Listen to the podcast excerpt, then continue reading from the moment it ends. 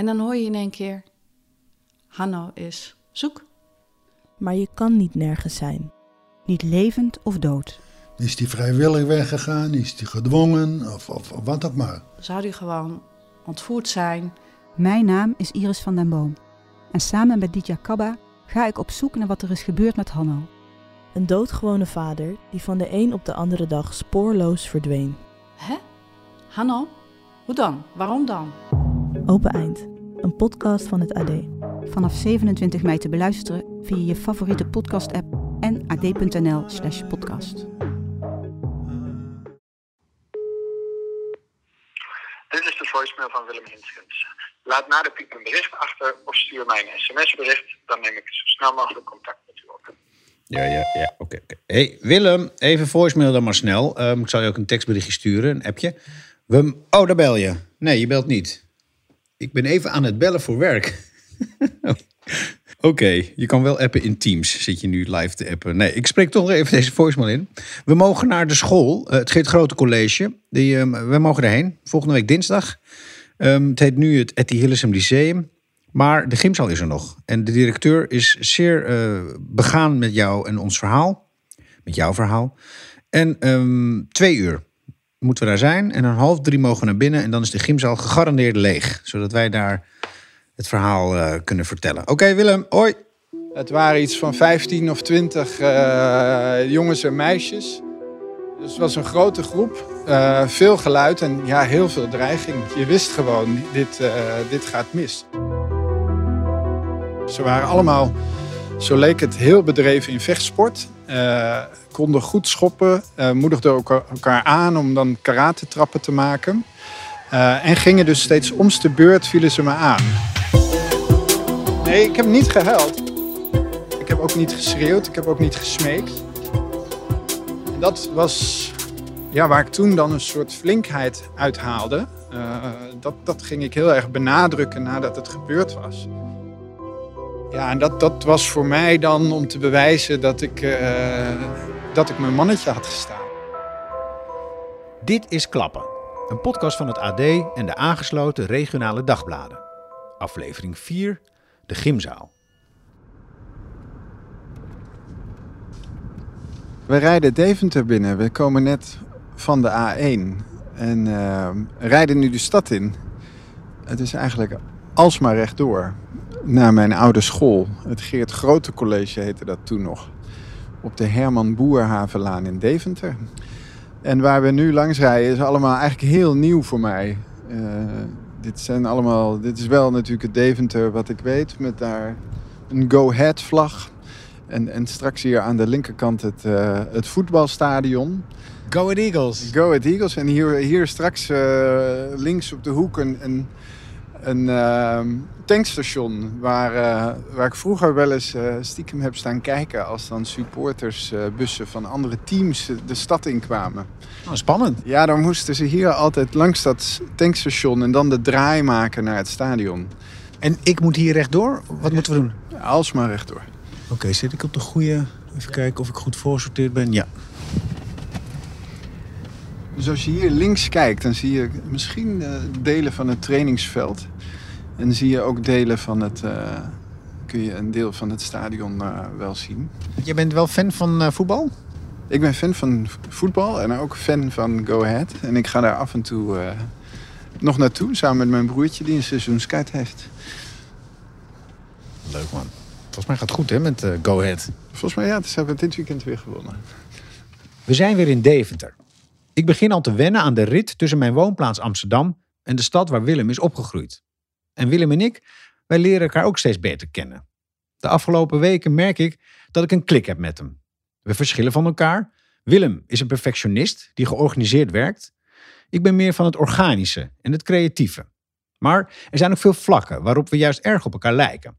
Zoals de liefde voor racefietsen en voetbal. En in het geval van Willem zijn dat vanzelfsprekend de rood-gele van Go Ahead. Zou dat misschien ook voor de daders gelden, vraag ik me opeens af. Zou dat een mooi aanknopingspunt kunnen zijn voor een verzoenend gesprek? Wie weet komen we nog zo ver in deze serie. Maar voor nu moet ik op de weg letten. En daar waar je de blauwe zonnewering ziet, dat is de school. Dat is hem? Dat is hem. De vorige keer dat we Deventer binnenreden, voelde ik dat Willem het spannend vond. Toen bezochten we de plaats delict. De plek die we vandaag bezoeken is voor hem net zo belangrijk in dit verhaal, maar minder beladen. Je kan ook rechtdoor, dan kun je hem parkeren misschien. Wat zeg je? Als je rechtdoor gaat, kun je hem daar parkeren. Oh, hier, in dit haventje? Nee, niet hier, het is een bushalte. Ja, dit is de bushalte. Je, wil- je bedoelt hier langs de weg? Ja. Oh ja, oké, doen we. Zet ik hem hier neer.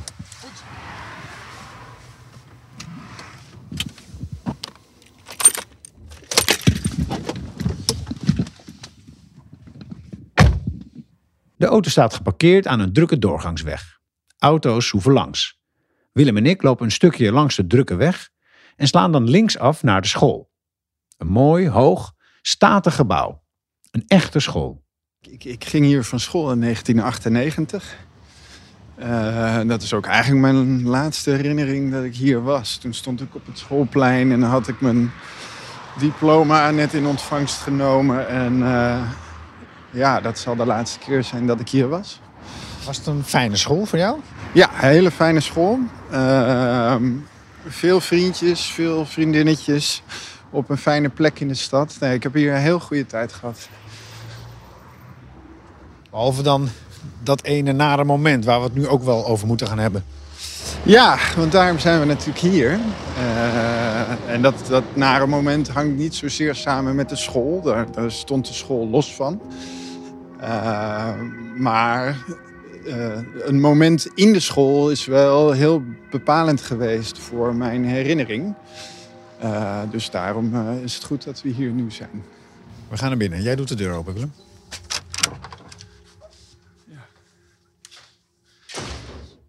We staan nu in de entree. Dit is, de- dit is nu de centrale entree. Dat was toen ook zo? Ja, dit was toen ook de centrale entree.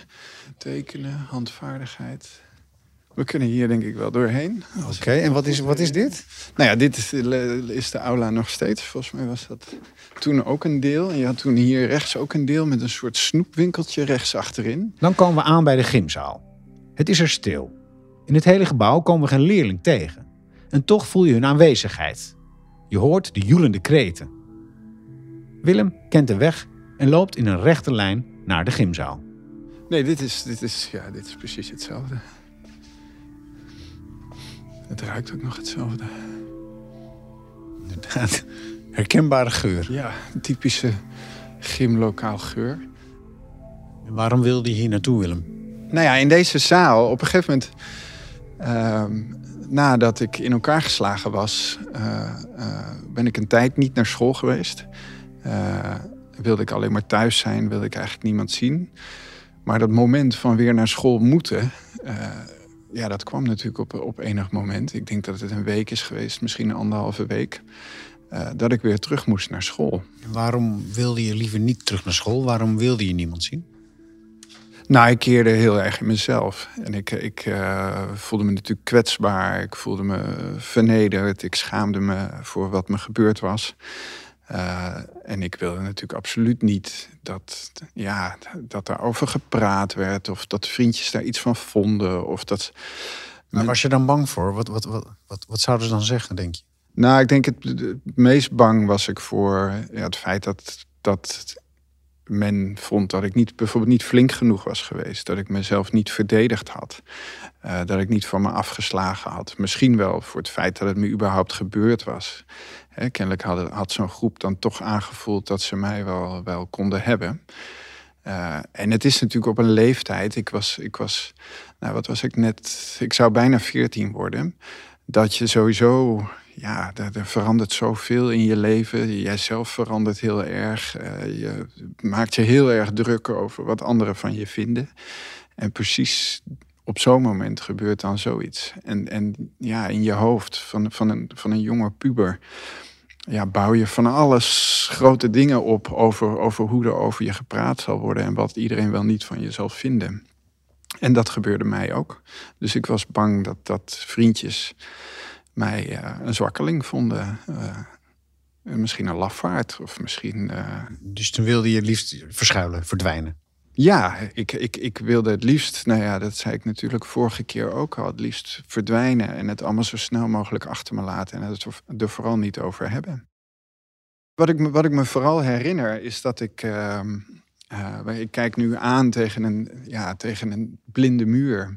En daar stonden de schoolbankjes, de typische gymbankjes. Staan er nog? Die er nu ook staan, stonden er toen ook al. Het zullen niet dezelfde zijn geweest. Maar ja, en op die bankjes eh, zat in een lange rij zaten al mijn klasgenootjes. Hier nu voor je neus zo. Ja, ja. En eh, ik zat daar dan een meter of vier, vijf in mijn eentje, ook op een bankje. Met achter mij de gymleraar en de, de rector van toen. Eh, want er moest toch iets gezegd worden over waarom ik afwezig was geweest. En waarom ik eruit zag zoals ik er waarschijnlijk uitzag. En ja, dat was voor mij een, een heel kwetsbaar en, en ja, ja, heel vervelend moment. Ik, ik schaamde me. En, en terwijl ik tegenover ze zat en in, in de groep had op had willen gaan en onzichtbaar wilde zijn, zat ik in mijn eentje tegenover ze. Ja, voelde ik me heel klein en bekeken. Al die ogen op mij gericht. Ik vraag Willem of hij vindt dat de school het goed gedaan heeft. Ik, ik, ik denk dat de school gedaan heeft wat, wat ze moesten doen. Hè. Ze moesten toch iets vertellen. Ik, op dat moment had ik dat absoluut niet gewild. En had ik het liefst gewoon in de klas gaan zitten. En had ik, eh, nou, wat ik zei, opgegaan. In, Dat in kon niet. Maar dat kon natuurlijk niet. Eh, er werd in een krant over geschreven. Er werd ongetwijfeld eh, over gepraat. Mijn Dus het was het middelpunt van alle aandacht. ja, mijn vriendje die toen ook getuige was, eh, zat bij mij in de klas. Eh, die had er misschien ook wel wat over gezegd. Hij was er misschien ook wel over gevraagd. Dus de school moest natuurlijk iets vertellen. Eh, maar voor mij was dat een, een, een ja, een, een, heel. Ik vond het misschien wel een van de moeilijkste momenten. Willem, wij zitten dit samen terug te luisteren. Bij jou thuis, hier. Ehm, en een hele grote vraag dringt zich op bij mij. Waarom was dat moment daar in die gymzaal nou zo ongelooflijk belangrijk? Ja, eh, we hebben inderdaad zojuist teruggeluisterd. En ik, ik heb een beetje hetzelfde. Ik, ik, het, het- ik luister ernaar en ik, ik denk van... Nou, vooral terug naar de jongen die ik toen was. En dan dacht ik, waarom heb je jezelf zo gekweld? En het zo, zo moeilijk gemaakt door er zoveel gewicht aan toe te voegen. Aan iets wat al zo ingewikkeld was. Ehm, en ik denk, nou ja, ik vertelde ook iets over daar in die gymzaal. Maar ik denk dat dat toch echt gaat over dat het gebeurt op een leeftijd die, nou ja, die, die dat gewoon zo ingewikkeld maakt. En waarbij je ook zo gevoelig bent voor, voor wat anderen alle- allemaal over je zeggen en van je vinden. Juist omdat je een 14-jarige jongetje bent. Ja, en zo, Puber. ja, zo'n beetje aan het begin van, van, van een ontwikkeling die nou ja, sowieso ongewis is en allemaal sowieso misschien ook wel on- onzeker maakt. Hè? Ik denk misschien dat dat voor veel mensen zo geldt en zeker toen ook voor mij. Je was zoekende. Ja. En je wilde geen schijnwerper op jezelf. Ja, en, en Want het is zo manifest dat jij Ja. je wilde wegkruipen. Ja. Opgaan in de groep. Je wilde niet onderdeel zijn van dit verschrikkelijke verhaal. Ja. Het leek bijna nog erger dan de mishandeling af en toe. Denk ik, jongen, wat haal je toch weer daarna nog op je hals? Ja, zo luister ik er eh, ook naar. En dat is ook echt het gevoel hè, wat, wat ik bij die plek heb. Dus, dus eh, dat is voor mij echt een, nou ja, een moeilijke plek geweest. Eh, maar nu, weet je, jaren later, veel ouder, denk je, ja, wat, wat heb je dat jezelf ingewikkeld gemaakt? Wat zou En- je- En ook wel dat het heel anders kan. Hè? Dat, dat zie je ook wel nu bij, bij slachtoffers van dit soort mishandelingen. Zie je dat die daar een hele andere route in kiezen. Ja, die stappen wel in het volle licht. Ja, en Sommigen. dat was natuurlijk wat, wat eh, Victor, de journalist van het AD, mij in, in, in de vorige uitzending ook vroeg. Van, had je, had je dat niet liever gewild? Nou, mijn antwoord was toen van, eh, eh, nou, ik had dat vooral niet gekund. En dat, dat antwoord staat nog steeds. Ik denk dat dat echt zo is. Maar ik ben wel heel benieuwd wat, wat die keuze ehm, andere slachtoffers van mishandelingen gebracht heeft. Of hoe zij daarop terugkijken. Ja. En of, dat, eh, eh, nou ja, of, zij, of zij daar positief op terugkijken vooral. Dit is een hele belangrijke vraag die Willem hier stelt. En we gaan proberen daar een antwoord op te vinden. We verlaten de gymzaal en we lopen door de school terug richting de hoofdingang. Als we weer buiten op de stoep voor de school staan, schiet Willem ineens een anekdote te binnen. Wat ik me opeens nu bedenk is... Kijk, je ziet daar dat grijze hek. Eh, dat, dat is het hek naar het schoolplein. Welk hek? Eh, daar kunnen we even naartoe lopen. Dit, dit hek daar? Ja, dit hek een beetje schuin achter het eh, bushokje. Dat hek zat er toen ook al. En dat is het hek naar het schoolplein. En ik weet niet of het nog steeds zo is, maar vroeger stond het deurtje in dat hek stond eigenlijk altijd open. Dus je kon tijdens de lessen en tijdens de pauze kon je uit dit deurtje. En dan gingen scholieren hier de buurt in. En ik ging vaak met een vriendje. Je ziet daarachter zie je een tankstation van de Shell. Ja. Eh, daar is het, het winkelcentrum Keizerslanden. En daar zaten een supermarkt en een paar brood, broodjeszaken, slager, dat soort zaken. Ging je daar snacks kopen? Voor ja, daar ging ik vaak mijn lunch kopen. Ik nam zelden broodje mee naar school, dus ik ging dan daar, eh, ging ik daar wat halen. Dus dan liepen mijn vriendje en ik liepen die kant op naar, eh, naar het winkelcentrum. En ik weet, het zal een half jaar, misschien drie kwart jaar na, na, eh, na de mishandeling zijn geweest, dat we hier met z'n tweeën liepen. En, en dat hij zei, moet je kijken wie daar fietst. En dat was een van de daders. Die hier op zijn dode gemak op een fiets die volgens mij zwaar aanliep. Een slag in de achterband. ehm, ja, eigenlijk heel rustig eh, langs ons heen fietste. En, en mijn vriendje herkende hem. Ik had hem niet direct herkend. Hij herkende ons niet. En hij fietste langs ons. En ik, ik weet nog hoezeer ik toen schrok van... Ja, dat iemand die dat mij had aangedaan opeens weer zo dichtbij was. En eigenlijk ook wel hoe, hoe gek ik het vond dat hij mij niet herkende. Dus, Was je bang dat je herkend zou worden? Nee, ik heb me toen niet, niet bang gevoeld. Ook omdat ik wist dat de school, dat ik daar snel in kon. En het is hier, nou ja, je hoort het aan alle auto's, het is hier best wel een publieke plek. Het is niet zo afgeschermd als, eh, als die vijver was. Dus ik, ik heb toen geen angst gevoeld. Wel, dus in het moment dat je schrikt dat iemand opeens zo dichtbij is. Ik, heb, ik, ik was niet bang dat hij me weer te grazen zou nemen. Maar ik schrok wel dat, dat hij opeens zo dichtbij was, ja. Misschien door het banale van de situatie. Hij op een fiets en jij lopend voor, voor een, een...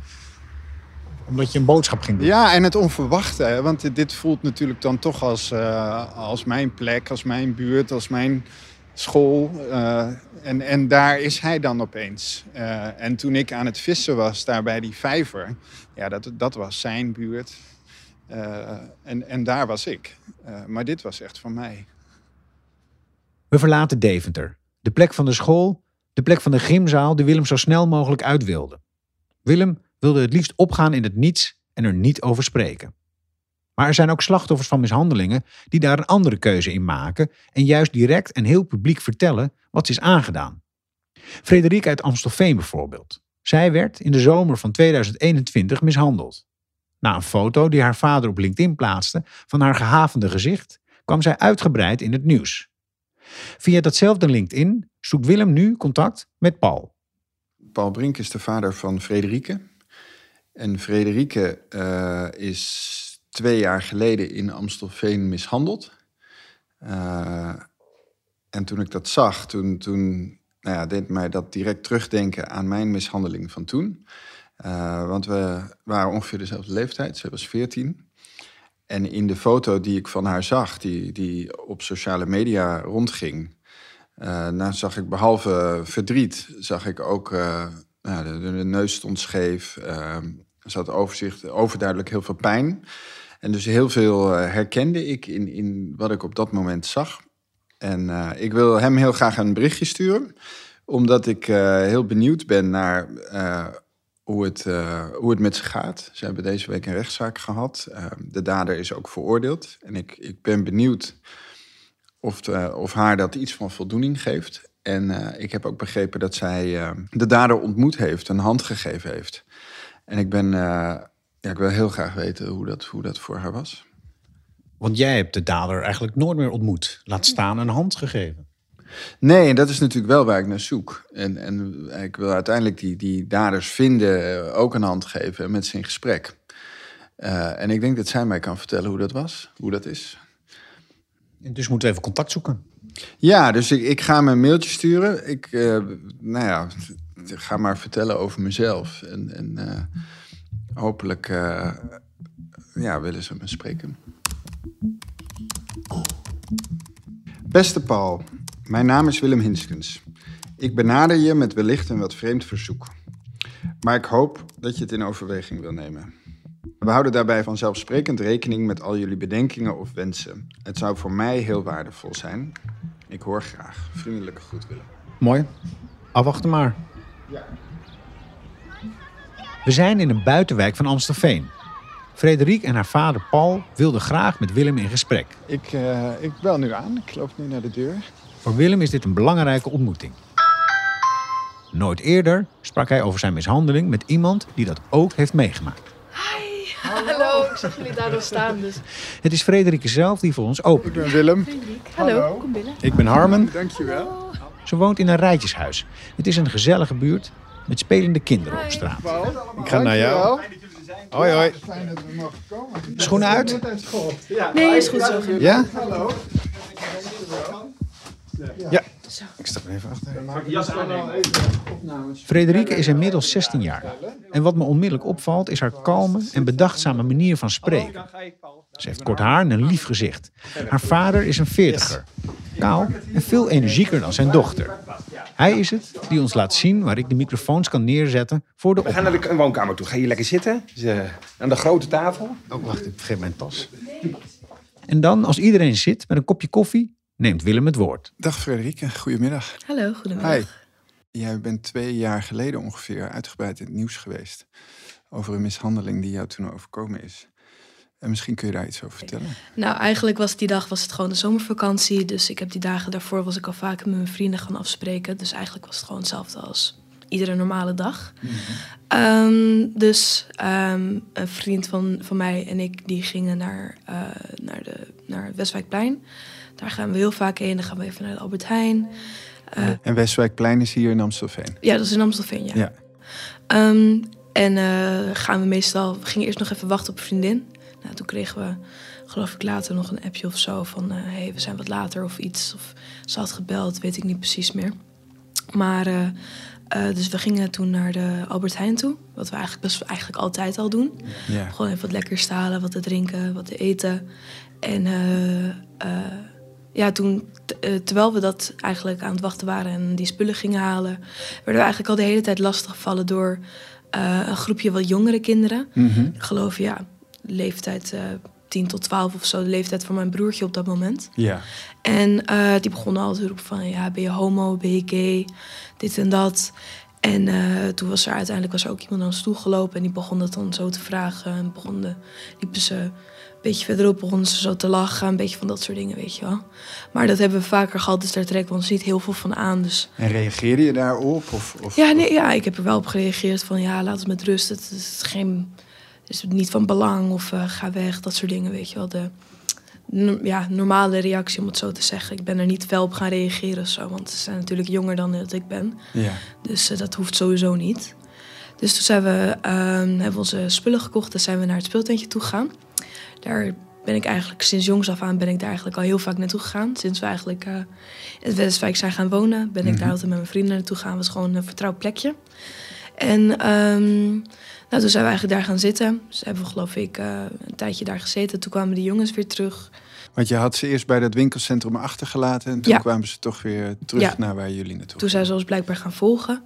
En ehm, of ze wisten waar wij waren, weet ik niet precies. Maar toen zaten we daar even en toen kwamen ze naar ons toe.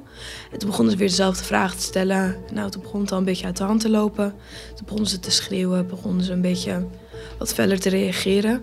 Qua woorden en dat soort dingen. Van ja, vieze homo's, dat soort dingen. Gewoon vervelende dingen, maar nog steeds Ja. niet iets waarvan wij het gevoel hadden van ja, laten we nu erop terug reageren. En eh, later hebben ze, eh, geloof ik, iemand gebeld of hebben ze ons gefilmd. Of tenminste hielden ze hun telefoon zo omhoog. Ging ze ons zo eh, ja, filmen of bellen, weet ik veel, maakt me niet heel veel uit. Mhm. Ehm, en toen later kwamen er eh, twee andere jongens aan. En ehm, ja, toen begon een van die jongens begon dus naar me toe te lopen. En vroeg ze van, ja, ben je een jongen of een meisje? Toen zei ik van, laat me met rust. Mhm. En toen, toen vroeg hij het nog een keer. Ja. En toen, eh, toen later eh, kreeg, voor mijn gevoel heb ik één klap in mijn gezicht gekregen. Maar met iedereen die eromheen staat, die hebben verteld van ja, het waren wel zeker vier à vijf klappen. Hm. En voor de rest herinner ik me dat mijn vader me aan- aankwam, dat hij me op een steen had gezet later. En eh, dat, de, dat de ambulance een paar minuten later aankwam. En de rit in de ambulance kan ik me niet herinneren. En voor de rest, het eerste ziekenhuis weet ik ook niet heel veel van te herinneren. Eigenlijk alleen maar het tweede ziekenhuis waar ik eh, in heb gezeten. Dat was ook eh, waar ik het langst heb gezeten op dat moment. Nou ja, je weet waarom ik vandaag hier ben, natuurlijk. Zeker. Ik, eh, mij is iets vergelijkbaars ge- overkomen op een nou ja, ongeveer dezelfde leeftijd als jij. Ik was toen 14, ik geloof dat jij 15 was.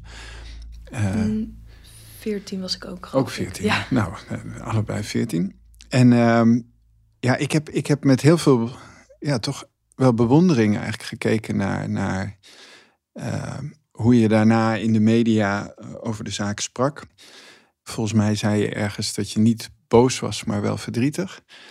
Eh, je hebt eigenlijk vanaf het eerste moment heb je direct, ben je heel zelfbewust eh, gaan praten over wat je gebeurd was. Eh, en ik vind dat heel knap, dat wil ik graag gezegd hebben. Maar ik ben ook heel benieuwd eh, waarom je dat gedaan hebt en, en wat je dat gebracht heeft. Kun je daar misschien iets over vertellen? Ja, sowieso boosheid. Ik, ik heb nooit agressie, agressie gebruikt op, op mensen. Ook niet als ik een gevecht heb met mijn broertje of zo. Dan ga ik, ik... Ik begin niet met vechten. Dat wil ik ook het liefste niet doen. Ik vind dat gewoon vrij nutteloos. Ehm, ik ben ook veel, veel sterker en wijzer met mijn woorden, sowieso. Dus ehm, Maar ben je dan geen enkel moment boos geweest over dat jou dit werd aangedaan, over zoiets? Nee, ik weet ook niet of ik boos ben geweest op het moment, op het moment was dat het was gebeurd. Misschien wel, misschien niet. Dat zou ik niet weten. Ehm, maar ook niet toen ik in het ziekenhuis ik lag. Ik was vooral gewoon verdrietig dat, dat dit was gebeurd. En, eh, dat, En, ja. en wat was dat verdriet dan precies? Ja, gewoon voor, vooral de, de pijn die ik op dat moment had. Gewoon de fysieke pijn. Ja. Ja. ja. En, en ehm, was dat ook de reden dat je daarna ehm, eh, ja, toch vrij actief in de media bent geweest? Dus dat je, volgens mij heb je bij eh, Umberto in de talkshow gezeten. Ja. Eh, was dat om dat verdriet woorden te geven? Of Nee, waarom heb je dat toen gedaan? Het was vooral om dingen gewoon duidelijk te maken over wat er was gebeurd. Omdat het natuurlijk overal online was gekomen, wouden mensen natuurlijk ook graag weten wat er was gebeurd. En eh, dat zouden mensen natuurlijk het liefste uit de mond willen horen van de persoon die het is overkomen. Mijn vader heeft het natuurlijk ook heel goed overgebracht. Maar ik denk dat mensen ook op een gegeven moment ook gewoon zekerheid wouden hebben van eh, hoe gaat het nu met haar? Eh, wat, wat is er nou eigenlijk echt gebeurd? Dus ehm, ik deed het ook vooral om duidelijkheid te brengen, maar ook om mezelf een beetje gerust te stellen. Oh, kun, je, kun je uitleggen wat je daarmee Ja, bedoelt? vooral om ehm, dus te laten merken dat het, ja, dat het nu goed gaat en dat ik het nu ook gewoon zelf kan doen. Dus dat ik nu zelf mijn, woord kan uitbrengen, dat ik nu zelf kan vertellen wat er is gebeurd. Op dat moment natuurlijk, toen ik al die verwondingen had, kan ik natuurlijk niet doodleuk bij, bij Humberto gaan zitten met natuurlijk een blauw gezicht.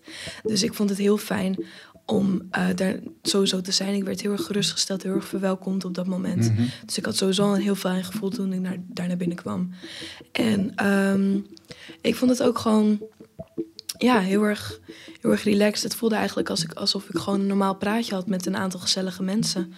Dus ik vond het ook gewoon heel fijn om te doen. En daarom ben ik er geloof ik ook gewoon mee doorgegaan. Nee, ik, ik had dus heel erg het gevoel dat ik eh, vragen als ben ik wel flink genoeg geweest, heb ik me wel voldoende verzet, had ik niet een klap terug moeten geven. Eh, en ik, ik had daardoor heel erg het gevoel dat ik dus, ja, nou wat ik zeg, niet flink genoeg was geweest. Dat, dat gevoel heb jij geen moment gekend. Nee, nee. Ik heb ook niet, voor mijn gevoel heb ik ook niet behoefte gehad om, stel ik zou het opnieuw kunnen doen of stel het zou opnieuw gebeuren, zou zou ik precies hetzelfde doen. Ik zou niet terugslaan, ik zou niet agressief gaan reageren. Want dat soort dingen lok het eigenlijk altijd uit. Ja.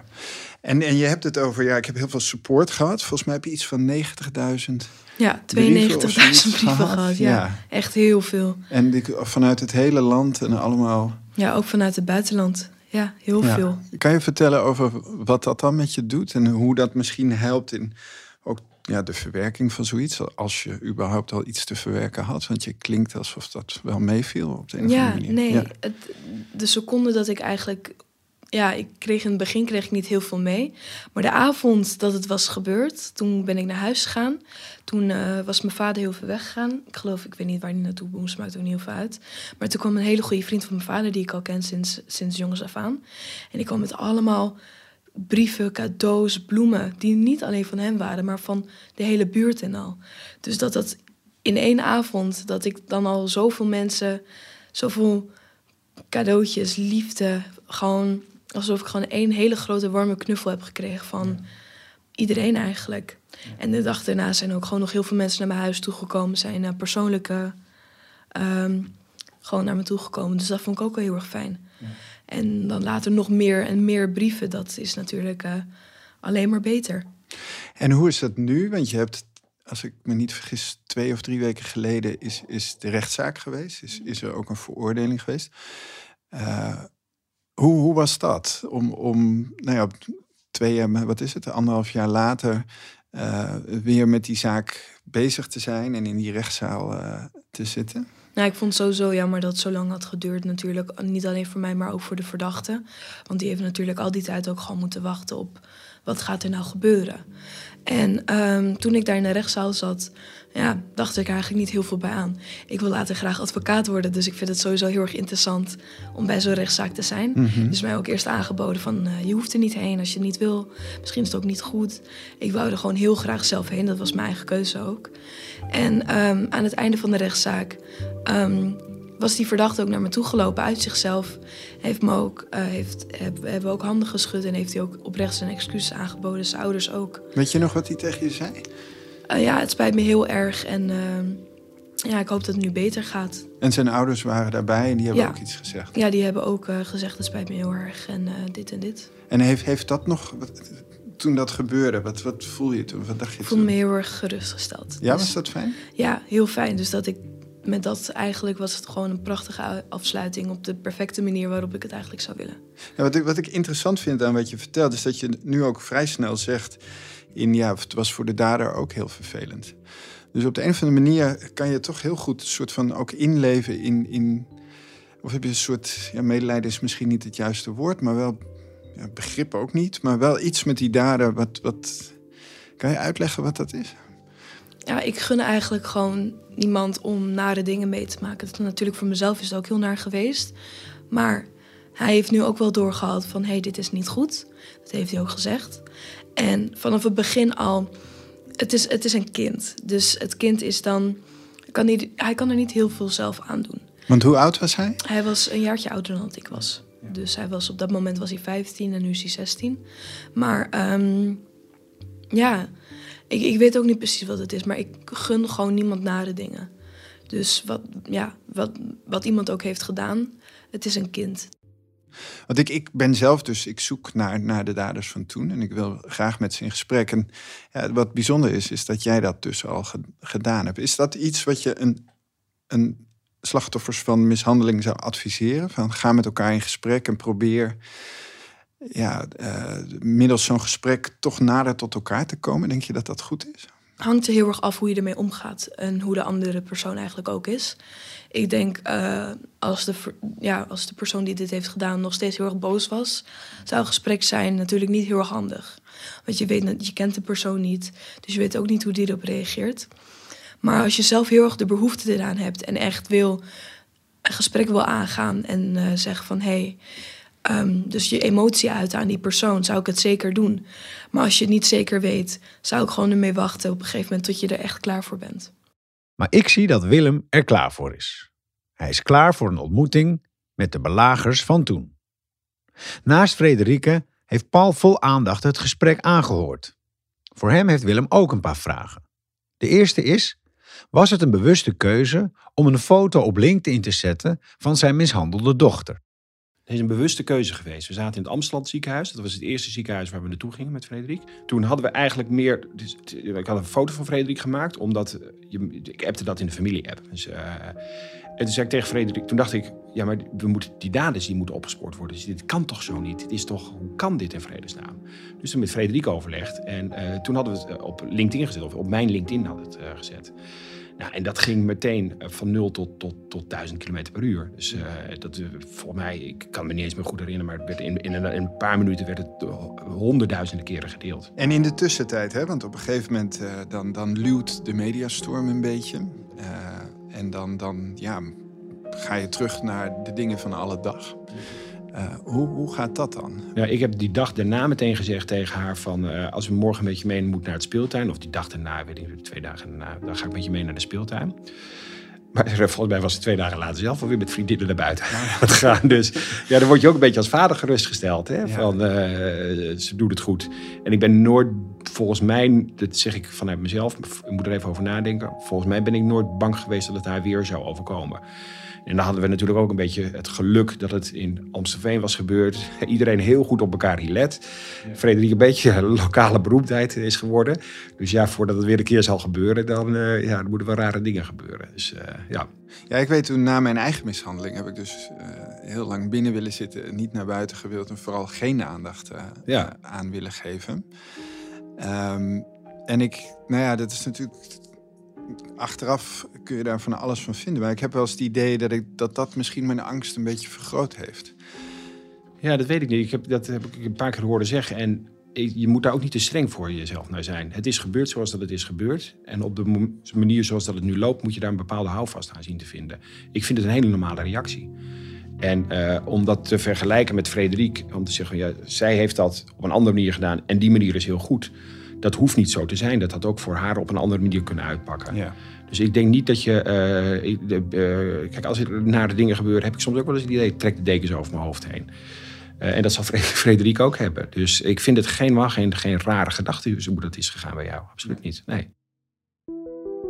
Dit was aflevering 4 van Klappen.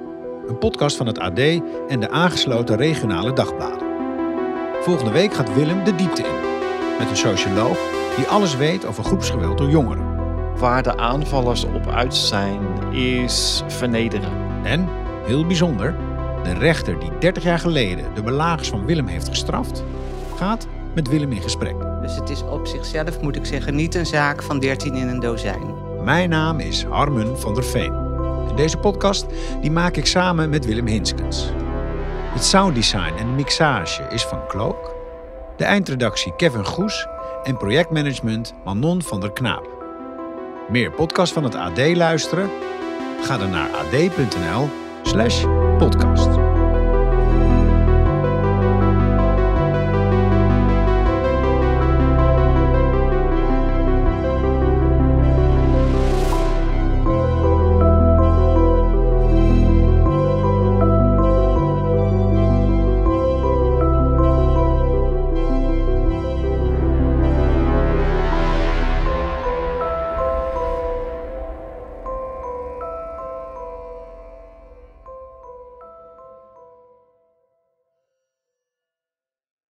Ken je Richard de Mos? Die ooit zo'n succesvolle Haagse wethouder die alweer jarenlang als corruptieverdachte door het leven gaat. Binnenkort begint de rechtszaak. De media spreekt over de grootste corruptiezaak die Nederland ooit gekend heeft. In de podcastserie OO de Mos onderzoek ik, Niels Klaassen, de methode de Mos. Dan haalt hij het op en dan zeggen ze cliëntisme. Ja, wat moet hij dan? Wat moet hij dan? Ik sprak aanhangers, critici, de Mos zelf en probeer antwoord te geven op de vraag welke belangen hij nu werkelijk dient. Netwerkcorruptie. Dan geloof ik niet in naïviteit eerlijk gezegd. Die van zijn 30.000 kiezers of toch vooral die van een handvol rijke ondernemers die de partijkas spekken. Beluister vanaf nu OO de Mos via ad.nl slash podcasts of in je favoriete podcast app.